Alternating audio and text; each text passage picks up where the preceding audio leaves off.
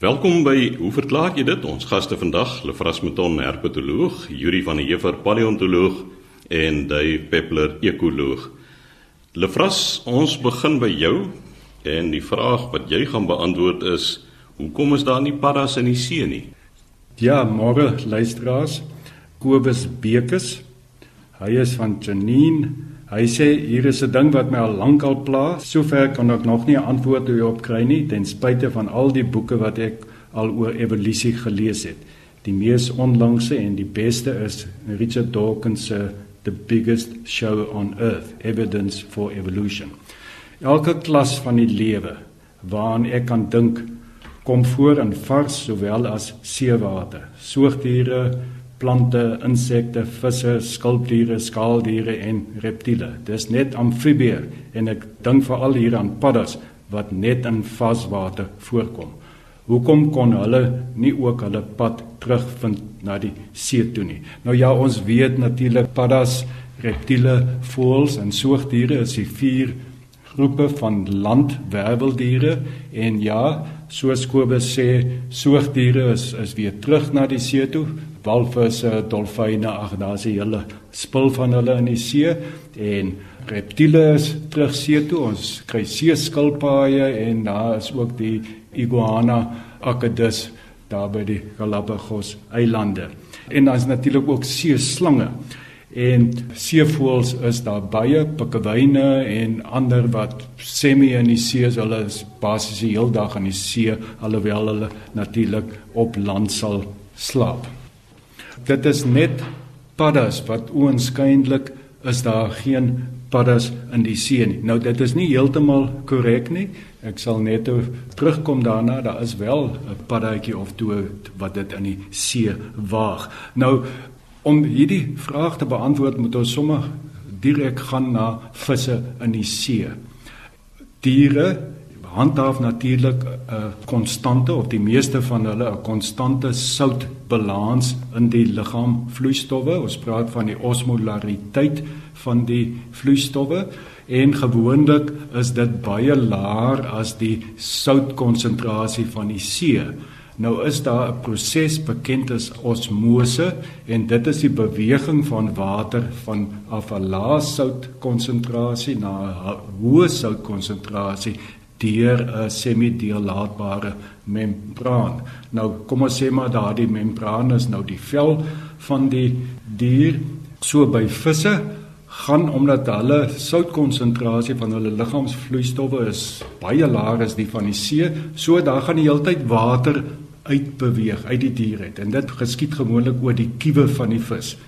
So daar's die hele tyd 'n verlies aan water en natuurlik nou om die waterbalans te herstel, moet die vis die hele tyd water drink. So vis daar in die see, hy sluk die hele tyd water om die waterbalans te herstel. Maar omdat hy nou water drink, kry hy nou weer 'n klomp sout in.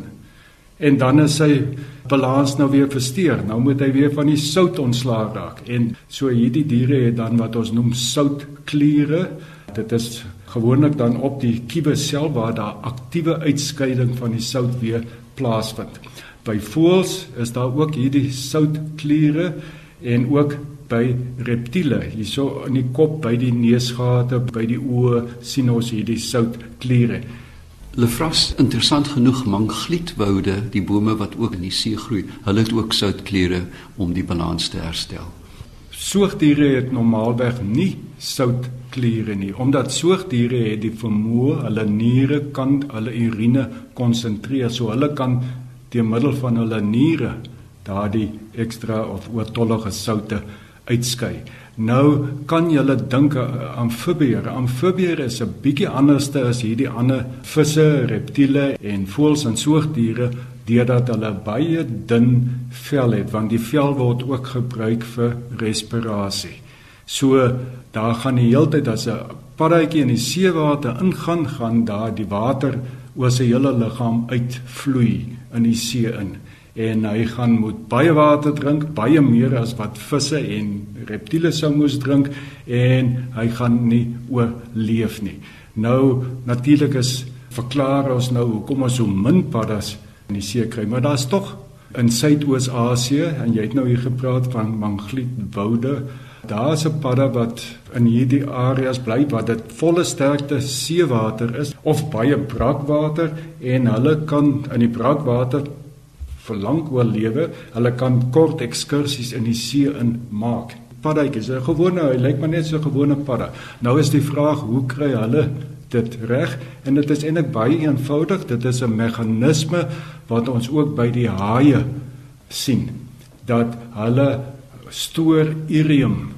Urium is natuurlik 'n afvalproduk van 'n stikstofafbreking en dit word mos nou met die urine uitgeskei en urium dien dan ook as 'n sout. Die urium nou ieder as om dit uit te skei op te hoop in die liggaam verhoog hulle die soutkonsentrasie van die liggaam kunsmatig en dat dit min of meer dieselfde is as die van die seewater en dus gaan water nou nie meer uitvloei uit die parase liggaam nie. En hulle gebruik daardie meganisme net soos die haie en en dit werk baie goed. Hulle leef nou nie permanent in seewater nie, maar hulle kan dan so kort ekskursies in die see maak. So net om op te som, dan Kobus, ja, dit is reg in die algemeen bitter min paddas wat in die see voorkom en die rede daarvoor is omdat hulle hulle vel is dun en deurlaatbaar vir water en hulle gebruik die vel vir respirasie en hulle het 'n probleem in die see dat hulle water gaan die heeltyd uit en hulle moet die heeltyd water drink en dan kry hulle weer sout in. In vaswater is die storie natuurlik omgekeer. 'n Vaswaterpadda hoef nie water te drink nie want sy interne soutkonsentrasie is hoër as die van die omringende water. So water gaan die hele tyd invloei in die liggaam in. So sy probleem is hy moet die hele tyd piepie om die water weer oortollige water uit te kry. So sê Lefras Beton, ons herpetoloog, Yuri, hoekom dra mense klere? Chris, 'n vraag van Henk Botha van Johannesburg en hy vra 'n uh, dubbele vraag maar ek het net tyd vir oggend om die eerste deel daarvan te beantwoord. En dit is hoekom dra mense klere? Hy wonder oor hierdie uitvinding want soos hy sê eerstens pas nadat ons deur evolusie van ons liggaamshare ontslaag geraak het, begin ons dierevelle en klere gebruik om ons warm te hou en te beskerm. Sou dit nou nie liewer sin maak as ons nou liewer ons haarbedekking behou het nie? En uh hoekom het hierdie ding nou gebeur? Nou ja, Henk, ons het nie van ons hare ontslaag geraak nie. Daar word gepraat in die Engelse terme of in Afrikaans van ons is naakte primate, naakte ape. Ons is eintlik nie naak nie. Ons het nog net soveel haarfollikels soos enige ander van die primate wat na ons verwant is. Ons hare het net kleiner en dunner geword so dieselfde aantal follicles. Die rede hiervoor is en ek dink 'n mens moet bietjie spekuleer hieroor want met die ontstaan van die oermense, die vroegste oermense in Afrika, was dit ook 'n tydperk van klimaatsverandering. Die groot woude het stadig aan begin pad gee sodat daar savannas ontwikkel het wat baie warm is, dis oop en onbeskutte alhoewel hulle baie duidelik nog in die bome geslaap het. En hierdie stam van die primate wat ons aan behoort het, die savannas begin beleef en dit is maklik om met 'n digte haarkleed op die savanna oor te verhit. So die redes wat hiervoor gegee word is dat dit nodig was om nie so warm te word om oor te verhit nie om af te koel en as 'n mens jou haarkleed dan dunner maak, kleiner hare het, dan help dit daarmee. Dan kom die argument weer, ja, maar hoekom is die hare op die kop nog daar? hare op die kop ja, maar ook wat vir al die ander diere op die savannes wat hulle hare behou het. Kry hulle nie ook warm nie. Dit is 'n geldige argument, maar ons praat nou net hier van primate.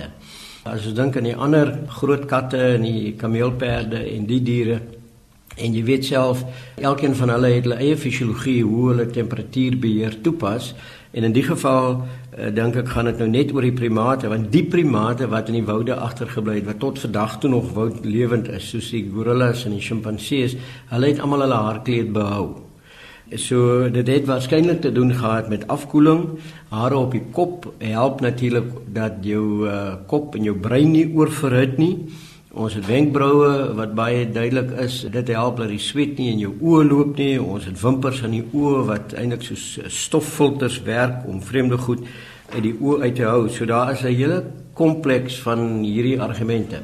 Ek wil net byvoeg, ek het nou weer gelees ook dat kyk die mense het ook 'n baie baie groot aantal sweetkliere, baie meer as enige van die ander.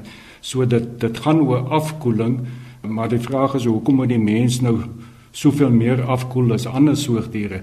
En ek dink die ontdekking wat hulle gemaak het is dat dit baie goed ooreenstem wanneer die mense hare verloor het en wanneer hulle vleisetend geraak het, begin jag het. En daar's die gedagte van die mens het lang afstand, hulle moes lang afstande begin af lê om te jag. Jy weet hulle moes 'n ding agtervolg en so meer en dat hulle oorverhit het en dan daarom het hulle hare verloor en sweetkliere gekry. So ja, dit gaan oor temperatuur, afkoeling maar net so ietsie ekstra by. Ja, ek dink jy is heeltemal reg want ons is feitelik die enigste dier wat die vermoë het en ons is van die grootste diere wat daar is wat die vermoë ontwikkel het om te kan draf en soos jy sê lang afstande te kan draf want ons het 'n baie ekonomiese manier om te draf. As jy nou kyk na iemand wat draf, hy is almekaar besig om vorentoe te val. Die liggaam val vorentoe en dan beweeg die voete onder die liggaam in. So dis 'n baie energeties konservatiewe manier om lang afstande te draf. En jy's reg, ek dink dit het te doen met afkoeling. Nou ja, klere dink ek sou eers nodig gewees het nadat die oormense uit Afrika migreer het, want hier sit ons in Afrika, ons voorsate aangepas by 'n warm, droë omgewing, soos jy sê, afkoeling, jy jag die op 'n drafstap volg diere en uiteindelik nadat Homo erectus verwante uit Afrika weg is na Asië en Europa toe, het hulle natuurlik in gebiede gekom waar daar 'n baie baie sterk verskil tussen somer en winter is en jy kan nie eintlik oorleef daar sonder om jou met iets te bedek nie. So 'n sterk seisonale klimaat was dan waarskynlik die prikkel gewees om velle te gebruik om warm te bly. Nou die een ander argument wat daar ook gegee word is dat as jy jou hare verloor, is dit baie makliker om van luise ontslae te raak. Dat jy die luise makliker kan vang en kan sien.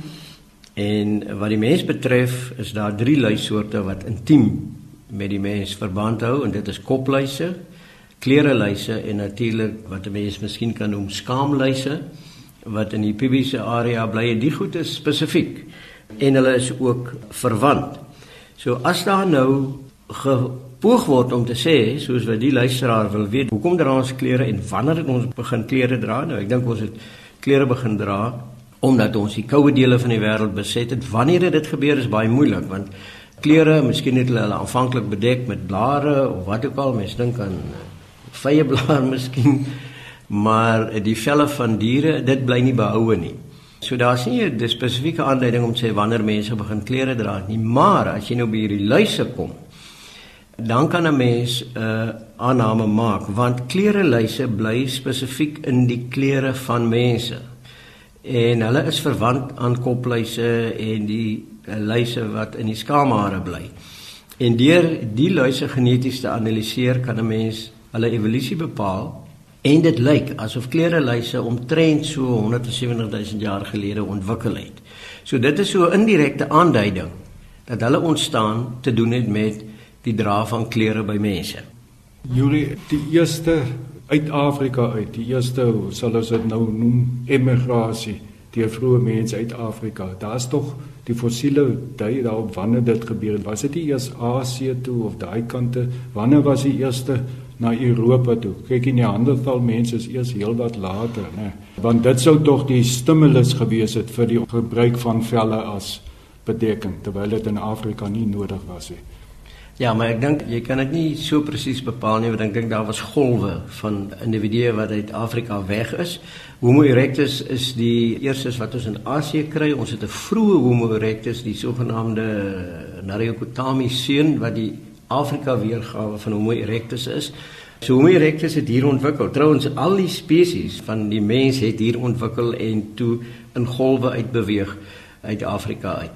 In elk geval Die ander vraag wat mense ook moet vra is nou kan jy min of meer bepaal wanneer klereluise ontwikkel het, maar saam met kophare en al die soort van goed moet mense ook vra hoekom is daar ander dele van die van die liggaam waar hare behoue gebly het en spesifiek nou die skaamhare en die hare in die oksels van die arms. Nou hierdie hare ontwikkel met puberteit. En dit is ook die tyd wanneer die feromone fisiologiese afskeidings by uh, seuns en dogters begin. En aanvanklik is dit so olierige stof wat reukloos is, dit bevat proteïene en eers wanneer die bakterieë daarop ingewerk het, dan kry dit 'n spesifieke geur. Nou ja, as mense in die televisie advertensies kyk, dan is daar 'n wêreldwye poging om hierdie geur te vernietig, want ons het allerlei deodorante wat geadverteer word om te gebruik en iets wat vir my persoonlik sinneloos is, is deodorante wat hulle deesdae adverteer wat vir 48 uur hou.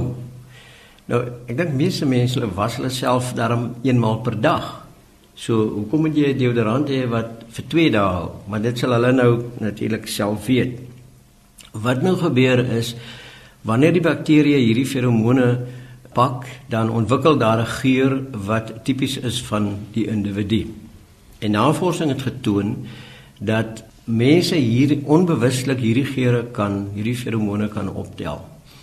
En dit lyk asof wanneer 'n mens nou 'n lewensmaat vir jouself soek. Ons het 'n boot aan die prof gehad, nou Prof Jordaan jare gelede, vreeslike gawe ou oomie en hy het ons altyd in twees opgedeel vir boot aan die prakties en dan het hy altyd gesê ons is paarmaats. Nou in die studentetaal het dit nou nie heeltemal so onskuldig geklink vir ons nie, maar wanneer mense jou paarmaat soek of kry of bepaal of iemand jou paarmaat gaan wees, dan is dit blykbaar so dat jy reageer op hierdie spesifieke geur van die ander persoon. En dit lyk asof mense nie 'n paarmaat soek met dieselfde geur nie. So dit is waarskynlik 'n effense aanduiding om weg te skram van inteling en die soort van goed. So hierdie eie soortige reuk is iets wat elkeen produseer en uh, die feit dat 'n mens min of meer wanneer jy 50 jaar oud is, dan uh, raak hierdie skaamhare en die okselhare raak dan dunner en minder dig want dan teen daai tyd as jy nog nie jou paarmaat gekry het nie, dan is dit waarskynlik te laat. So dit lyk dus asof die oksel en die skaamhare dien om feromone makliker in die lug vry te stel. Die die klossies hare help dan om dit nou te versprei, hoe hulle mense sê op die wieke van die wind. En miskien kan 'n mens oorweging skenk daaraan dat as jy vir iemand oogies maak en daar gebeur niks nie, moet jy miskien by wyse van spreuke jou arm lig en so 'n oksel in die wind gooi om te kyk of jy nie resultate kry nie. Yuri daar is 'n interessante nuwe tendens in die parfuumbedryf waar juis hierdie afskeidings nageboots word. 'n Baie bekende een van Etienne de Swart, 'n Suid-Afrikaner wat nou in Parys woon, is Secretions Magnifique wat reik na semen in 'n nat stort. Hy het ook 'n ander een met die naam 69 wat ehm, 'n um, sekere seksuele voorkeur simboliseer. So mense speel in op hierdie reuke weer. En 'n tweede opmerking dat klere het in die moderne tyd ook 'n diep sosiale en sosiologiese simboliek aangeneem. Kyk 'n mens na Idi Amin byvoorbeeld, die absurde uitrustings en ons minister van polisie, dan uh, moet 'n mens 'n donker bil dra want dit simboliseer status. Baie baie dankie dat jy dit genoem het. Die tweede deel van uh, die persoon se vraag wat ek op 'n ander tyd sal beantwoord raak hieraan. Nou ja, dit dan wat betref die rede waarom mense klere dra, laaste aan die woord Dave Peppler, ons ekoloog. Dave, kan 'n mens uitgestorwe diere weer terugbring? Chris en kollegas, luisteraars, ek het 'n brief van Ben de Tooy van Randburg wat sê dat hy uh, tyd gelede gelees het en gehoor het van eksperimente om soogdiere wat uitgesterf het weer te probeer teel. Dit het onder andere die kwagga en die Tasmaniese tier ingesluit is daar vordering of is dit nog net 'n droom? Hy sê ek meen die rugby speler Kwagga Smit het niks hiermee te doen nie. Presies hoe werk hierdie eksperimente? Nou ja, kom ons kyk. Ek moet eers 'n waarskuwing rig. Hierdie is 'n program of 'n antwoord altans wat te doen het met ernstige genetiese manipulering waarvan ek nie baie weet nie, maar kom ek probeer navigeer deur hierdie tegniese veld. Kom ons begin ook dan by die eerste dier wat hy noem die quagga en daar is in Suid-Afrika 'n sogenaamde quagga projek wat begin is deur Reinhold Rau wat ek nog geken het by Isiko. Ek vermoed Yuri julle het hom seker ook beleef. Nou, die eerste ding wat interessant is van Afrika is dat van alle kontinente het Afrika die minste uitsterwings beleef. Dit is vreemd, jy weet, selfs hoe verbrokkel hierdie kontinent is, is hy nog eintlik biodivers en ekologies funksioneel. Van die bekende uitsterwings is die bloubok uiteraard, die quagga en die Kaapse leeu. Maar in 1987 is hierdie projek onder leiding van meneer Raal begin want hy was besig met die restaurering van die laaste quagga wat in Holland in die Amsterdam dieretuin ek dink in 1883 gevrek het. Hy was van die pioniers met DNA-analise toe die tegniek nog in sy babaskoene was en daar is toe bepaal dat die quagga nie 'n diskrete spesies was nie maar wel 'n subspesies van die vlakte zebra equus quagga. So Hy het toe geredeneer dat hierdie gene wat die gebrek aan strepe op die lyf van die quagga, die Kaapse quagga, bepaal het nog vry lewend en drywend was in die bevolking in die metabevolking, metapopulasie van die quagga en daar is toe met 'n geselekteerde program begin en hulle by die hoop weet ek geteel van hulle by Roberts of by McGregor altans was daar 'n hele klomp pogings. Nou ja, dis 'n baie stadige proses want jy moet wag vir 'n filletjie om gebore te word en dan moet jy hom eers laat groot word en kyk waar sy strepe uitslaan en so elimineer. Die kritiek teen hierdie poging was natuurlik heftig uit baie oorde. Ek initieel was ook een van die groot klaars daarteen en sê dat jy weet daar was dalk morfologiese redes binne die verspreidingsgebied van die quagga wat omgewingsgedrewe was wat uiteraard hierdie vreemde patroon laat vasstel het. En alle getuienis dui dalk op 'n morfologiese eienskap. So die finale produk kon slegs eis dat dit verteenwoordigend is van 'n visuele fenotipe van die quagga.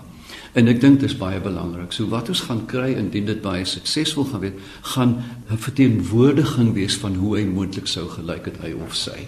Ek dink jy is heeltemal reg, Dave, want toe ek destyds op 'n museum gewerk het, moes ons so 'n verteenwoordigende uitstalling opstel van wat die Suid-Afrikaanse Museum doen en gedoen het. En een van my pligte was toe die kwagafil wat die Suid-Afrikaanse museum het. En dis die enigste kwagafil in Afrika. Die enigste voorbeeld. En dis presies wat jy sê dat ons weet nie wat die fisiologie was of enige iets nie. Jy het net 'n visuele beeld van hoe 'n kwagga gelyk het. En die argument was toe maar kom ons hou aan met teel tot ons iets kry wat so lyk dan sê ons dit is kwagga. Want ons idee van 'n kwagga is gebaseer op twee fotos. Ja Nou vra Ben verder nou wat van ander diere.